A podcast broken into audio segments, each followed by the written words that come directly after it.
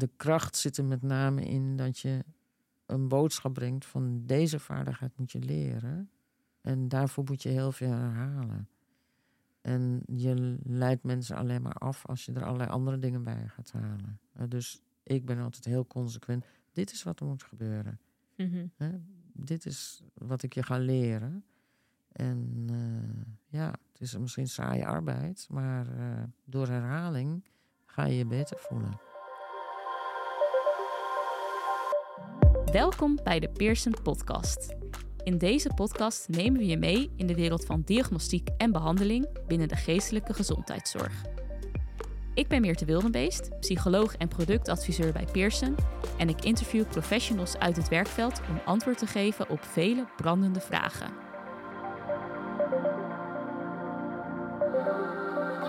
Voordat we verder gaan, nog even dit. Geestelijke problemen onder jongeren nemen de laatste jaren steeds meer toe. De Beck Youth Inventories bestaat uit vijf korte vragenlijsten voor kinderen en jongeren.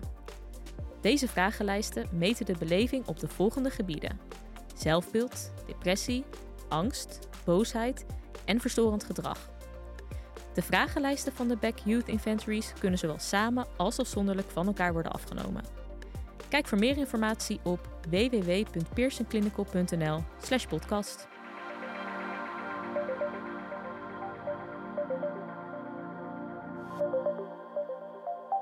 Welkom bij deze nieuwe aflevering van de Pearson Podcast. Um, we hebben deze aflevering weer een interessante vraag die beantwoord gaat worden. En dat is: wat zijn valkuilen bij de behandeling van zelfbeeld? En degene die deze vraag uh, ja, probeert te beantwoorden, dat is expert Manja de Neef. Um, welkom Manja, fijn dat je er bent om uh, deze vraag te beantwoorden. Ja. En uh, nou ja, ten eerste, misschien kan je jezelf kort even voorstellen. Ja, Manja de Neef expert, zoals je zegt. ja. ja. um, ja, het heeft een lange voorgeschiedenis. Ik ben eigenlijk in mijn studie al mee begonnen met uh, me in dat onderwerp te verdiepen. En later ben ik dat in de praktijk gaan vertalen tot, uh, tot interventies, toen ik psychotherapeut werd. Mm -hmm. En uh, nog weer later ben ik erover gaan schrijven ja, een beetje tegen het eind van mijn werkzame leven. En toen dacht ik, het is toch mooi als dat bewaard blijft. En toen ben ik op gaan schrijven wat ik in therapieën tegen mijn cliënten vertelde. Mm -hmm. Dus zoveel mogelijk ook in spreektaal. En uh, met uitleg over oefeningen, met uitleg over theorie, het model. En met voorbeelden daarbij. En uh, ja, dat heeft geresulteerd in het zelfboek Negatief Zelfbeeld, wat gewoon ontzettend goed verkoopt, wat heel erg in trek is. Ook bij therapeuten hoor, die het aanraden, maar ook bij mensen die het gewoon uh, ja, op zichzelf uh, lezen en doorwerken. Ja, ja, dus je hebt ja, veel kennis en ervaring hè, met Ja. het behandelen van uh, negatief zelfbeeld. Um, nou, we gaan het vandaag dus hebben over valkuilen, hè, Mm. die je als therapeut ja, kan hebben bij de behandeling ervan. Um, ja, mijn eerste vraag is van ja, wat als je als, je als therapeut iemand uh, ja, behandelt met een negatief zelfbeeld, wat zou dan misschien een goede opstelling zijn tijdens zo'n behandel behandeling of behandelgesprek en wat zou misschien juist een wat minder goede opstelling zijn? Misschien kan je daar wat uh, ja, over vertellen. Ja, nou een eerste valkuil is dat therapeuten geneigd zijn, en dat zouden jij en ik ook hebben, dat is heel logisch, om een tegenwicht te bieden. Dus iemand die heel veel negatief over zichzelf vertelt, hè, want dat gebeurt natuurlijk ook, die cliënten, die de, iedere tweede zin die ze uitspreken is een negatieve uitspraak over zichzelf, uh, om dat dan tegen te gaan spreken.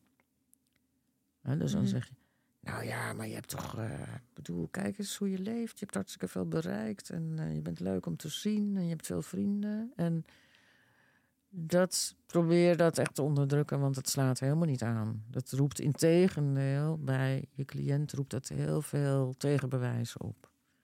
En, en, en ja, hoe, zie, hoe merk je dat, dat het tegenbewijs oproept? Die gaat hij gewoon vertellen. Hm. Nou ja, veel vrienden. Ik heb helemaal niet veel vrienden. Ja, nou, hè, een paar mensen, maar die hebben gewoon medelijden met me. Maar ja, geef niet echt om me. Nee. Of veel bereikt. Ja, maar wat heb ik bereikt? Kijk eens naar anderen. Die hebben mensen hè, van, van, die ik nog wel zie van mijn lagere school, die hebben veel meer bereikt. Dus die gaat je overladen met allerlei negatieve informatie. En dat wil je helemaal niet, want hij heeft in zijn leven al zoveel negatieve informatie verzameld. Dus geen complimenten, tenzij ze heel, heel, heel uh, mild zijn. Gebruik vooral het woord super niet. super? super. Ja. Oh, maar dan heb je toch super gedaan. Nee, oh. Maar ook niet bijvoorbeeld, uh, want ik, ik weet dat, dat in, in, bij de behandelmethode van zelfbeeld, er zitten dan wat oefeningen bij, dus een positief dagboek. Mag je dan ook niet zeggen van, oh, je hebt het super goed ingevuld? Of... Zou, ik zou daar heel voorzichtig mee zijn. Mhm. Maar als je het uitprobeert, dan merk je wat het effect is. En dan gaat de cliënt je vertellen dat hij het helemaal niet super heeft gedaan. Integendeel, dat hij één dag helemaal niets heeft opgeschreven.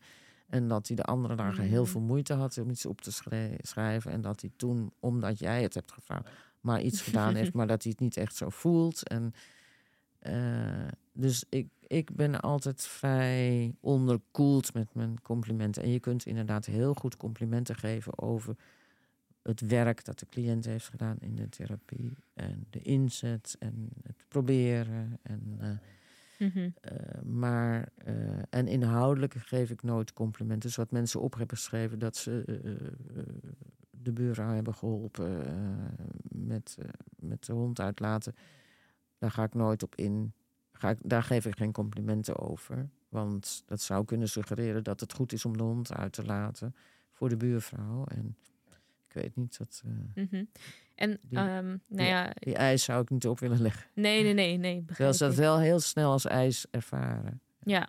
En, maar vooral alleen maar complimenten over het werk wat iemand in de therapie doet. Ja, dus hm. ja, precies. Dus uh, ja, ik wil zeggen hallo naar werken, maar dat is helemaal niet de goede hm. verwoording, maar meer van um, je hebt je werk goed gedaan, uh, je huiswerk of wat ja. dan ook, hoe je het ook noemt. Ja. Mooi dat het je gelukt is, hè, zeg ik dan. Ja. Je vond het heel moeilijk. Hè? Vorige week hebben we het gezien dat je het. Vorige week had je er nog niets opgeschreven, maar deze week wel. Mooi dat het gelukt is. Hoe heb je het gedaan? Uh, of uh, mooi dat je zoveel verschillende dingen hebt opgeschreven. Mm -hmm. Of mooi dat je het ook een beetje hebt kunnen voelen dat het echt positief was. Dat het echt positief voor je aanvoelde. En dat het niet alleen maar kennis met het hoofd was. Dat soort complimenten, die kun je heel goed maken. Oké. Ja. En uh, nou, nu heb je deze deze tip natuurlijk gegeven. Wat nou, ehm, net zoals met alle dingen die je, die je nieuw hoort en wil toepassen. Uh, ja, mensen zullen, dus de therapeuten zullen vast nog wel eens in de valkuil trappen van het geven van een compliment. Nou, dus stel je voor, uh, therapeut geeft een compliment. Nou, de cliënt met negatief zelfbeeld, die gaat allemaal uh, ja, tegenargumenten bedenken. Um, ja, hoe reageer je daar dan op als therapeut als je dan tijdens hè, dat dat gebeurt, dat je denkt, oh nee man, je had nog had iets gezegd van dat moest ik niet doen. Hoe reageer je dan weer op die negatieve dingen? Is het dan, ja, wat, wat zou een gepaste reactie zijn? Ja, want je vervalt het natuurlijk vroeg of laat toch in. Tuurlijk, omdat dat zo... Menselijk, ja. ja. precies. Het ligt zo voor de hand om, om een tegengeluid te laten horen. Ja, wat je kunt doen is dat je het compliment nog een keer herhaalt. Dat je zegt, nou, ik zei dat en dat. Want erg, het is heel snel weg ook, hè, dat compliment. Dus je kunt zeggen, wacht even, is het, is het nog ergens? Het ik gaf een compliment, weet je nog wat het was? Mhm. Dat, dan onderbreek je die stroom van uh, negatieve tegenbewijzen. Dat is één. En een tweede mogelijkheid is om te zeggen... ja, hier komt weer een ja maar. Maar dan moet je dat al eerst besproken hebben in de behandeling. Dat dat een van de stappen is in de behandeling. Mhm. Dat je die jamaren waar mensen mee komen, dat je onderbreekt. Dus je kunt zeggen van, oh wacht, hier komt een jamaar. Maar het ging om iets positiefs wat ik zei. Mhm. Is dat bij je aangekomen? Iets in die trant. Ja, en het is, uh, kan je het ook gewoon, uh, ja dat is misschien gek, maar gewoon negeren. Dus dat je compliment geeft, iemand komt met die uh, tegenargumenten. Nou oké, nee, dan ga je gewoon weer verder. Is dat ook een... Dat kan ook, ja. Ja, ja. ja, dat doe ik doe ik inderdaad ook vaak niet. Gewoon sowieso, omdat uh, cliënten heel veel van die negatieve dingen eraan vastkloppen. En dan negeer ik inderdaad. Ja, ja, ja. Oké. Goed. goed. Ja. En, en ehm, wat zijn nog meer andere valkuilen waar uh, therapeuten tegenaan kunnen lopen? Ehm, dit was een van complimenten. Dat is wel de meest belangrijke. Ehm, nou, wat inhoudelijk gezien veel mensen zijn toch geneigd om in te gaan op die negatieve gedachten. En dan op de manier zoals je altijd doet in een cognitieve therapie. We gaan eens goed uitpluizen. Mhm. Exploreren. Wat denk je allemaal? Een hele rits van gedachten achter elkaar. En dan eh, eh, eh, gaan we uitdagen vervolgens. Hoe kom je aan het idee van, hè, kun je er ook anders over denken? Wat zou een goede vriendin of een goede vriend tegen je zeggen? Enzovoort. Wat je moet realiseren is dat je dan zo drie kwartier bezig bent met het alleen maar hebben over negatieve gedachten van de cliënt. En ehm, ik heb al in een eerdere podcast uitgelegd dat dat negatieve zelfbeeld, dat kun je zien als een database, als een schema van heel veel negatieve informatie met ontzettend veel eh, associaties ertussen, ook heel sterke associaties. En wat ben je aan het doen als je met het uitdagen bezig bent? Je bent alleen maar aan het versterken, die associaties aan het versterken. Je bent maar weer nieuwe negatieve informatie in aan het stoppen. En dat netwerk is al zo sterk. Dus dat is bij zo'n rigide negatief schema is dat niet de manier van aanpak. Je moet het helemaal richten op het opbouwen van een alternatief positief zelfbeeld. En dus je moet drie kwartier bezig zijn over positieve zaken. Mhm. En wat is nou de reden dat, dat men dat nog steeds wel ehm, ja, doet in de praktijk? Dus juist dat hele hè, dat uitdagen van die negatieve gedachten. Eh, ja. Ja, mensen hebben natuurlijk geleerd dat dat werkt. Dat werkt ook bij veel, eh, nou ja, wat je dan vroeger als eenstoornissen noemde. Hè, daar werkt het goed. En dit is een, zit veel meer in de persoonlijkheid. Dus een schema, daar werkt het minder goed. Mhm. Die ideeën zijn langzamerhand ja, ontstaan van dat je bij zo'n rigide schema beter kunt zorgen voor een alternatief schema. Mhm. Alternatief concurreren. Ja. Ehm, en heel veel therapeuten zijn toch geneigd om ja, in discussie te gaan. Hè? Dat is ook een beetje het uitdagen, is dan niet in discussie, maar ja, ze- omdat het zo irreëel klinkt. En, eh, maar Mhm. zodra je daarover gaat praten, dan ben je bezig om iedere keer maar weer die negatieve dingen te herhalen. En dat werkt averechts. Dus eh, jouw advies Ja. is eigenlijk om dat... ehm, Het hoort natuurlijk bij de opleiding om dat Ja. te doen. Hè? Ja. ja, en het zal, Ja. wat jij ook zegt, bij sommige eh, ja, ehm, zaken wel juist weer goed helpen. Ja. Maar je zegt eigenlijk, ben je bezig met eh SEC, dat negatieve zelfbeeld. Ja. Ehm, ja, dat zouden therapeuten dan eigenlijk misschien beter niet meer kunnen doen. Om daar Ja. Ja, mijn tijd- advies is om dat niet te doen. Nee. Nee. En in mijn interventie zit dat ook helemaal niet. Nee, nee, nee, nee, Nee. nee, nee. Nou dat zou ook eh, gek zijn Ja. als er wel in zou zitten, inderdaad. Ja. ja, ja, practice what you preach, inderdaad. Ja. Ehm, ja, en, en, en je zegt hè, van dat uitdagen, daar, daar kan je dan drie kwartier mee bezig zijn. Nou, zonde van je tijd eigenlijk. Wat zou je in plaats daarvan beter wel kunnen doen als therapeut? Je, je bent alleen maar bezig om positieve informatie te verzamelen. En ehm, ja, ik kijk altijd naar. Je moet een concurrent. Hè, je bent bezig om een con- concurrent te maken. Je, je bouwt een positief zelfbeeld op. Wil het een echte concurrent zijn, dan moet je aan de positieve kant hetzelfde doen als aan de negatieve kant. Dus dan gaat het om in eerste instantie een heel klein iets. En dan moet je eens gaan kijken, wat zegt dat over jou? Wat betekent dat? Mhm.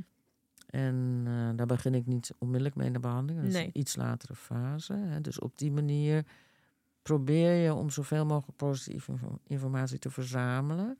Om dat ook te laten herhalen door de cliënt. Om dat ook te voorzien van een of meer positieve eigenschappen of vaardigheden. Of, dus waarmee je het iets eh, algemener maakt. De cliënt heeft niet alleen maar eh, eh, die schroef ingedraaid die op een hele moeilijke plek zat, maar betekent ook dat hij geduldig is. Dat hij weet vol te houden. eh, Mhm. en dat hij handig is. eh, Ja. Enzovoort. Oké, En op die manier ben je er een hele tijd mee bezig om eh, zo'n netwerk ook op te bouwen. ja, precies. En dan is- uiteindelijk mag hij er een mooi etiket op plakken van. ja, Dus ik ben best oké. Ja, precies. Ja. het zou mooi zijn als dat inderdaad dan lukt Ja. aan het eind van de behandeling. Ja. En dat herhaal je heel veel. Net zoals je dat uitdagen, doe je ook, herhaal je ook heel veel. Dit herhaal je ook heel veel. Om het tot een gewoonte te maken. Om Ja. zo naar jezelf te kijken. Het is eigenlijk niet anders dan eh, dat je jezelf inderdaad een nieuwe gewoonte aanleert. Ja. Dagelijks door, eh, weet ik veel, dagelijks te flossen of zo. eh, ja. Ja. Ja. eigenlijk een beetje hetzelfde. nou en hier dagelijks en Ja, liefst de hele dag door natuurlijk. Eh, ieder uur van de dag ja, letten op dingen die wel goed zijn. Ja. Waar je tevreden over kunt zijn, waar je blij om bent, waar je trots op bent. eh. En dan even verder denken. eh, ja, wat zegt dat over mij? Mhm. Oké, mooi. Ja. Ehm, nou, dus we hebben nu twee valkuilen gehad. Hè? Dus de, de, ja, complimenten geven, Mm. uitdagen juist van die negatieve gedachten. Eh, wat zou nog een derde valkuil kunnen zijn? Ja, wat ik wel vaak zie, dat is dat mensen, het, eh, ehm, therapeuten, snel bang zijn dat ze te weinig bieden. Mhm. Want alleen maar een hele zitting bezig zijn met een witboek bespreken of een positief dagboek bespreken van de cliënt, waar de cliënt misschien vijf, zes aantekeningen in heeft gemaakt in een week tijd. Dat vinden ze, voelen ze voelt als te weinig aan. Mhm. En dan gaan ze die zitting vullen met nog wat andere dingen. Dus dan toch nog maar een uitdaging. Of dan toch nog maar een eh, positieve affirmatie voor de spiegel. Of eh, even EMDR.